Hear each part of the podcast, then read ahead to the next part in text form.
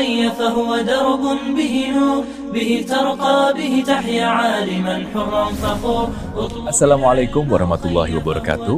Anda menyimak kajian podcast bulan Ramadan, serial fikih muamalah dasar bersama Ustadz Ilyas Mursito, persembahan dakwah.id. يطلب العلم ببذل حتى ضمته البحور Bismillahirrahmanirrahim. Assalamualaikum warahmatullahi wabarakatuh. Sahabat pendengar dakwah ini di mana pun Anda berada.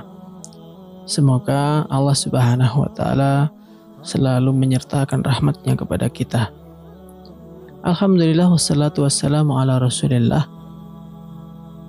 Pada kesempatan kali ini Pak Insya Allah akan kita sambung bersama perbincangan kita terkait dengan fikih muamalah.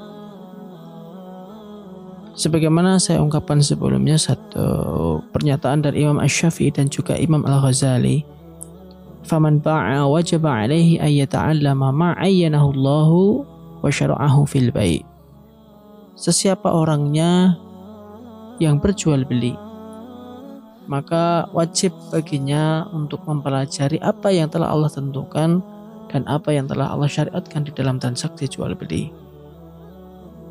Siapa pun orangnya di antara kita pasti pernah bertransaksi jual beli.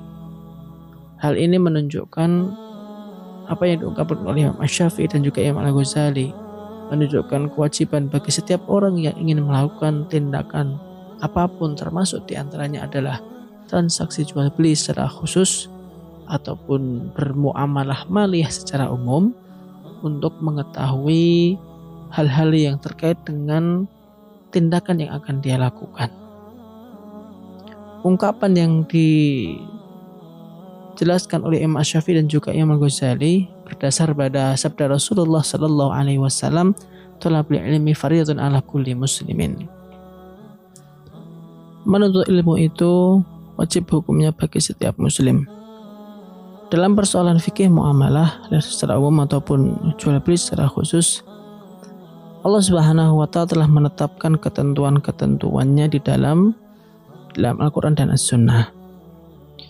Para ulama telah menetapkan berdasarkan istiqra mereka dari dalil-dalil syari yang ada menetapkan setidaknya ada empat syarat dalam transaksi jual beli sebagaimana yang dijelaskan oleh Syekh Wabah Zuhaili di dalam bukunya Fikih Islam Adilatuhu.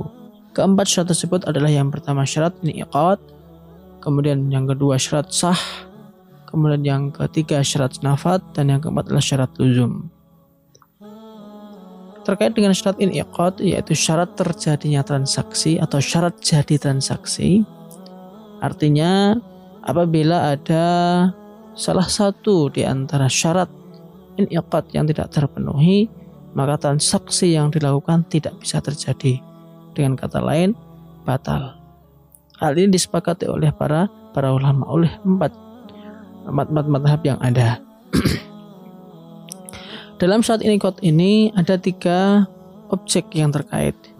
Yang pertama adalah syarat yang berlaku pada pelaku transaksi, kemudian objek transaksi, kemudian yang ketiga adalah pada serah atau dalam ijab dan kabul.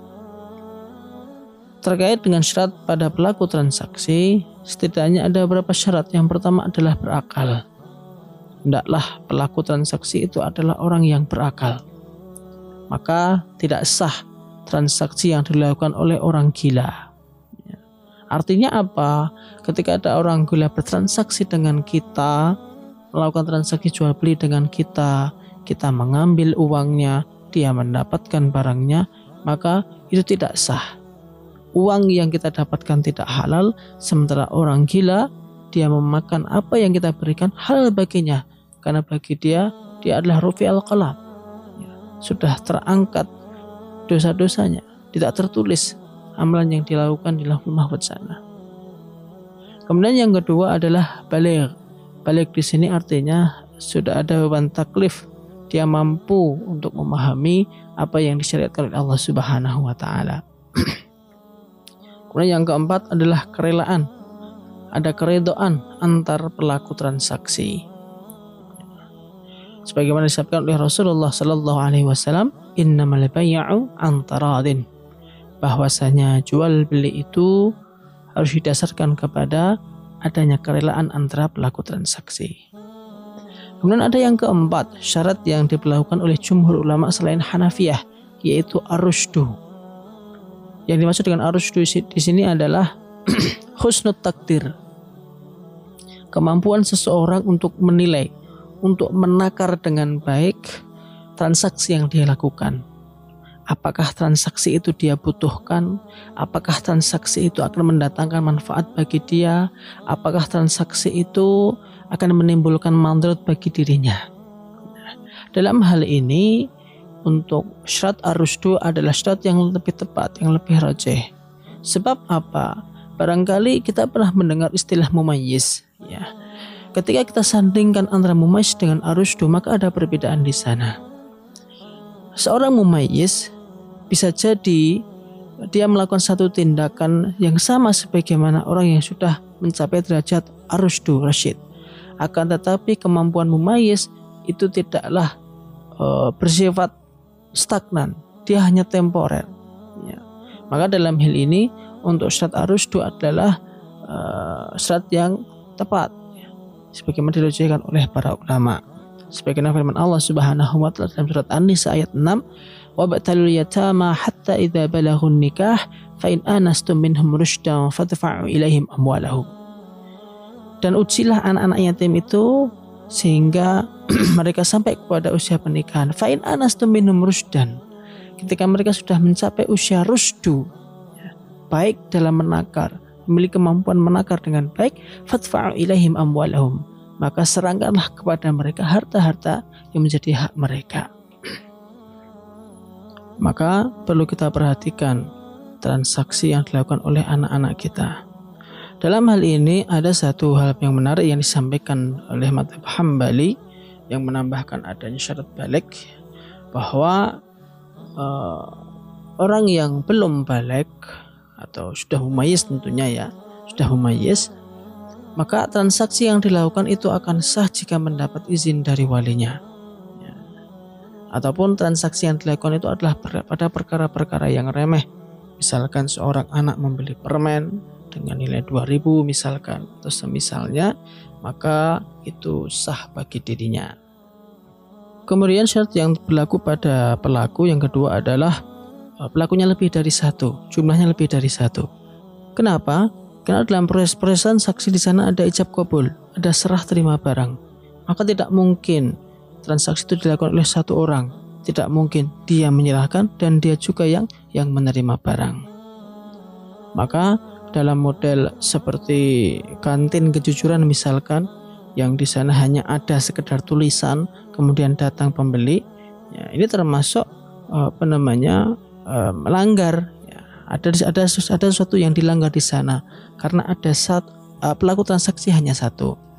Maka diperketat di sana diperketat ketentuannya bagi yang bertransaksi seperti itu tidak boleh yang namanya ngutang harus dilakukan secara secara kontan karena ada satu syarat yang tidak terpenuhi yaitu pelaku transaksinya hanya satu pihak saja yang hadir dalam majelis tersebut. Syarat selanjutnya yang berkaitan dengan objek transaksi, baik itu harganya maupun barangnya, terlebih lagi pada barang karena dia objek yang paling utama dalam transaksi. Yang pertama adalah hendaknya barang yang ditransaksikan itu ada maka tidak sah menjual sesuatu yang belum terwujud, belum ada. Seperti misalkan yang kita kenal dengan jual beli ijon misalkan. Menjual menjual padi di sawah ya tanaman yang masih hijau bahkan mungkin belum keluar bulirnya tapi sudah ditransaksikan. Atau menjual uh, janin janinnya uh, hewan janinnya sapi misalkan. Kita menjual anaknya menghargainya menentukan harganya. Karena bisa jadi nanti ketika keluar ternyata keluar dengan kondisi yang tidak diinginkan padahal sudah ada penetapan harga sebelumnya. Kemudian yang kedua, hendaknya barang yang ditransaksikan itu adalah sesuatu yang berupa malan mutakawiman. Mutakawim di sini ada dua makna. Yang pertama adalah sesuatu yang diperbolehkan secara syar'i untuk dimanfaatkan alias halal. Atau ada juga yang makna mutakawim di sini adalah sesuatu yang uh, berharga. Kemudian yang ketiga ayakuna mamlukan fi nafsihi. Maksudnya adalah eh, barang tersebut, objek tersebut ada yang memilikinya. Maka tidak boleh seseorang mentransaksikan barang milik umum, eh, barang yang menjadi kepemilikan orang banyak.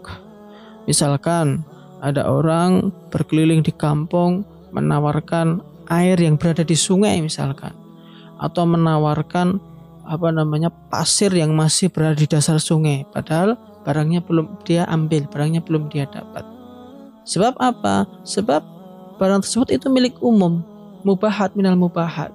Maka teknik yang paling tepat adalah ambil dulu barangnya dapatkan dulu barangnya baru kemudian ditransaksikan Sebagaimana juga hanya tidak boleh seseorang mentransaksikan ikan yang masih berada di sungai itu masih menjadi milik umum. Siapa pun yang mendapatkan dia menjadi pemiliknya. Maka hendaklah diambil terlebih dahulu, dimiliki terlebih dahulu, baru kemudian diserahkan atau ditransaksikan. Syarat selanjutnya adalah barang tersebut dapat diserahkan. Maka tidak sah mentransaksikan hewan peliharaan yang terlepas misalkan atau ikan di dalam air yang sulit sekali untuk menjangkaunya. Demikian juga tidak boleh ya mau mentransaksikan barang yang hilang atau mungkin pada era kekinian tidak boleh mentransaksikan barang yang masih dalam proses kirim. Misal kita memesan barang dari Bekasi dari Jakarta tempat yang jauh. Nah, ketika barang itu masih dalam proses kirim, kita tidak boleh mentransaksikannya. Kenapa? Karena kita belum bisa memastikan apakah barang itu bisa sampai kepada kita ataukah ataukah tidak. Walaupun mungkin kita sudah bayar, walaupun mungkin kita sudah mentransfer uang, tapi ketika barang itu belum sampai kepada kita, maka kita tidak boleh mentransaksikannya. Kemudian yang terakhir adalah syarat yang berkaitan dengan seha atau ijab kabul.